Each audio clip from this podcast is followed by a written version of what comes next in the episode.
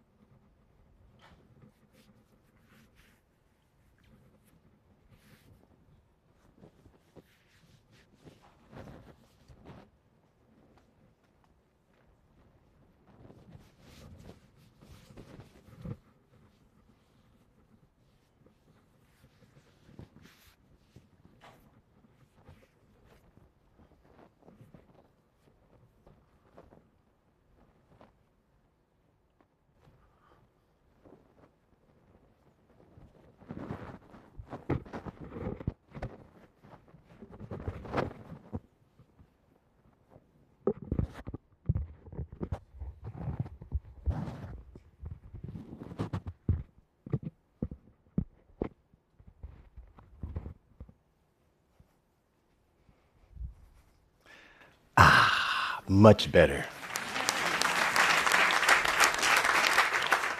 I have a disease called vitiligo. It started early in my career. It's an autoimmune disorder.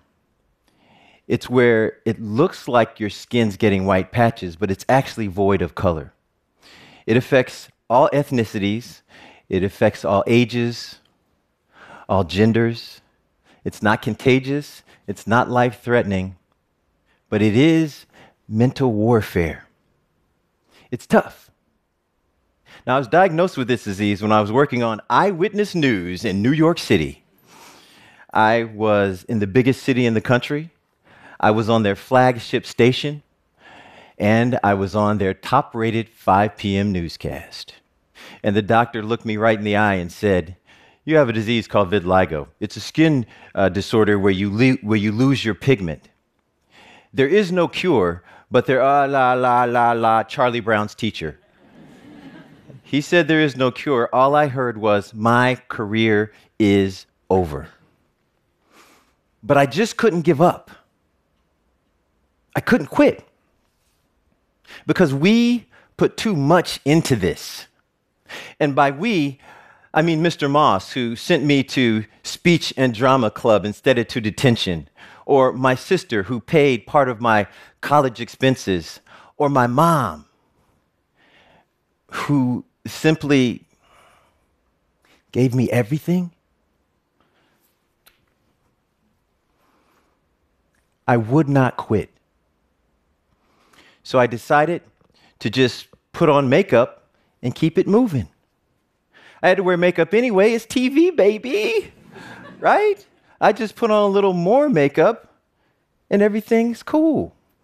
And that actually went very well for years.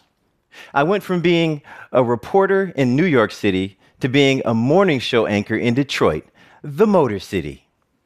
And as the disease got worse, I just put on more makeup. It was easy, except for my hands. See, this disease is progressive and ever changing. That means it comes and goes. At one point, for about a year and a half, my face was completely white. Yeah, it trips me out too. yeah. And then, with a little help, some of the pigment came back. But living through this process was like two sides of a coin. When I'm at work and I'm wearing the makeup or wearing the makeup outside and I'm the TV guy, hey, how you doing everybody? Great. At home without the makeup, I take it off and it was like being a leper. The stares, constantly staring at me, the, the comments under their breath. Some people refused to shake my hand. Some people moved to the other side of the sidewalk, moved to the other side of the elevator. I felt like they were moving to the other side of life. It was tough, and those were some tough years. And honestly, sometimes I just had to shelter in place. You know what I mean? Kind of just stay at home till I get my mind right. But then I put my blinders back on. I get back out there, do my thing. But in the process of doing that, I developed this angry, grumpy demeanor. Anger is an easy go to, and people would leave me alone. But it just wasn't me. It wasn't me. I was allowing this disease to turn me into this angry, grumpy, spotted guy. It just wasn't me. So I had to change. I knew I could not change other people. People are going to react and do what they're going to do. But there was a cold, hard reality as well. I was the one that was showing anger, sadness, and isolating myself. It was actually a choice. I was walking out the door every day expecting the world to react with negativity. So I just gave them that mean face first. If I wanted change, the change had to start with me. So I came up with a plan. Two parter, not that deep. Number one, I would just let people stare. Drink it in, stare all you want, and not react. Because the truth is, is when I got this disease, I was all up in the mirror, staring at every new spot, trying to figure out what is going on. So I needed to let other people have that same opportunity to get that visual understanding. Number two, I would react with positivity. And that was simply a smile, or at the very least, a non judgmental, kind face. Simple plan, but it turned out to be more difficult than I thought. But over time, things start to go okay. Like this one time, I'm at the store and this dude is like staring at me. He's like burning a hole in the side of my head. I'm shopping, he's staring at me. I'm going to the checkout, he's staring at me. I'm checking out. He's on the other line checking out. He's staring at me. We go to the exit. He's still staring at me. So I, uh, I, I, I, see he's staring. And finally, I, I, turn to him and I go, Hey, buddy, what's up? He goes, What's up? What's up? Hi. Awkward. so to relieve the tension, I say, It's just a skin disorder. It's not contagious. It's not life threatening. It just makes me look a little different. I end up talking to that guy in the grocery store for like five minutes. It was kind of cool, right? And at the end of our conversation, he says, You know, if you didn't have vitiligo, it's actually vitiligo, but he was trying, so. if you didn't have vitiligo, you'd, ju- you'd look just like that guy on TV. and I'm like, Yeah, I get that. I get that. Yeah. So things were going okay. I was having more good exchanges than bad. Until that day. I Had a little time before work, so I like to stop by the park to watch the kids play. They're funny. So I got a little too close. This little girl wasn't paying attention. She's about two or three years old. She's running. She runs directly into my leg and falls down pretty hard. I thought she hurt herself. So I reach out to try and you know help the little girl, and she looks at my vitiligo and she screams.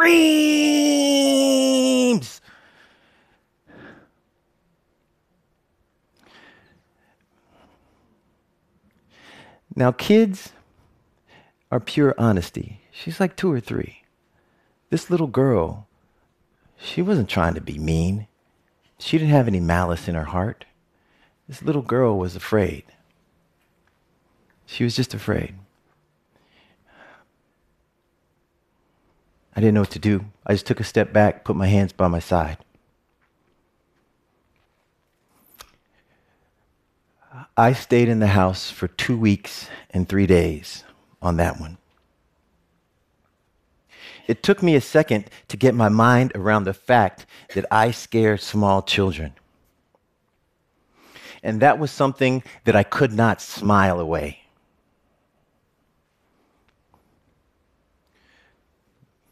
But I jumped back on my plan.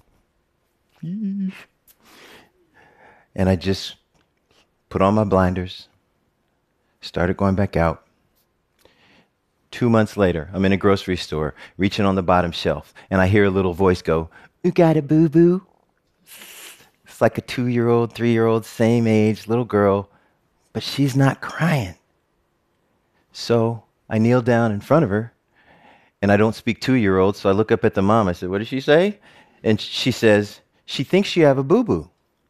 So I, I go, No, I don't have a boo boo. No, not at all.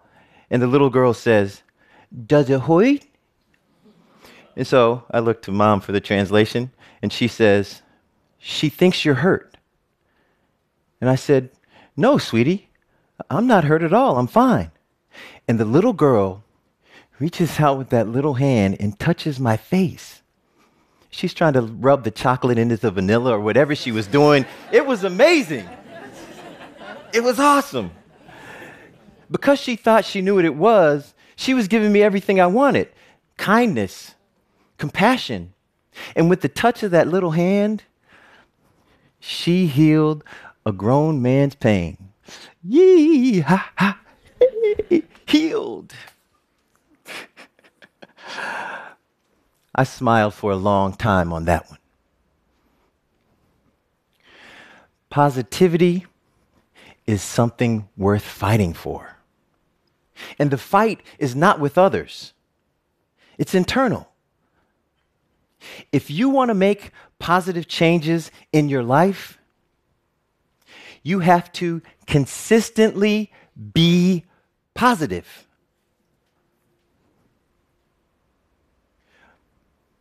My blood type is actually B positive. I know, corny TV guy, dad joke. My daughter hates it, but I don't care. Be positive.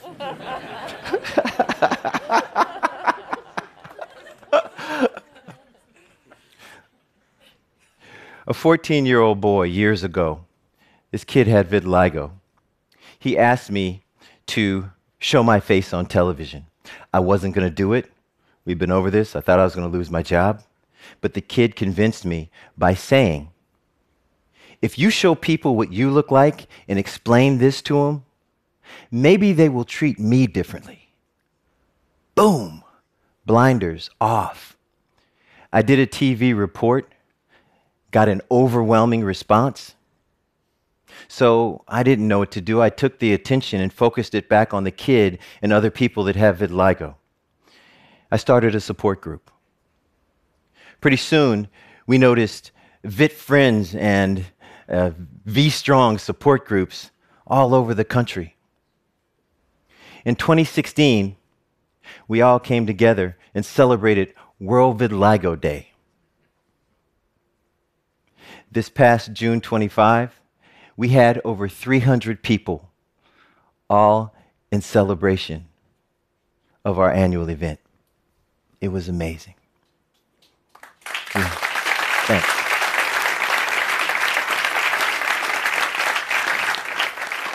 Now, I'm not going to lie to you and say it was quick or easy for me to find a positive place living with this disease. But I found it. But I also got much more. I became a better man the man I always wanted to be. The kind of guy who can stand up in front of a room full of strangers and tell some of the toughest stories in his life and end it all with a smile. and find happiness in the fact that you all just smile back. Thank you.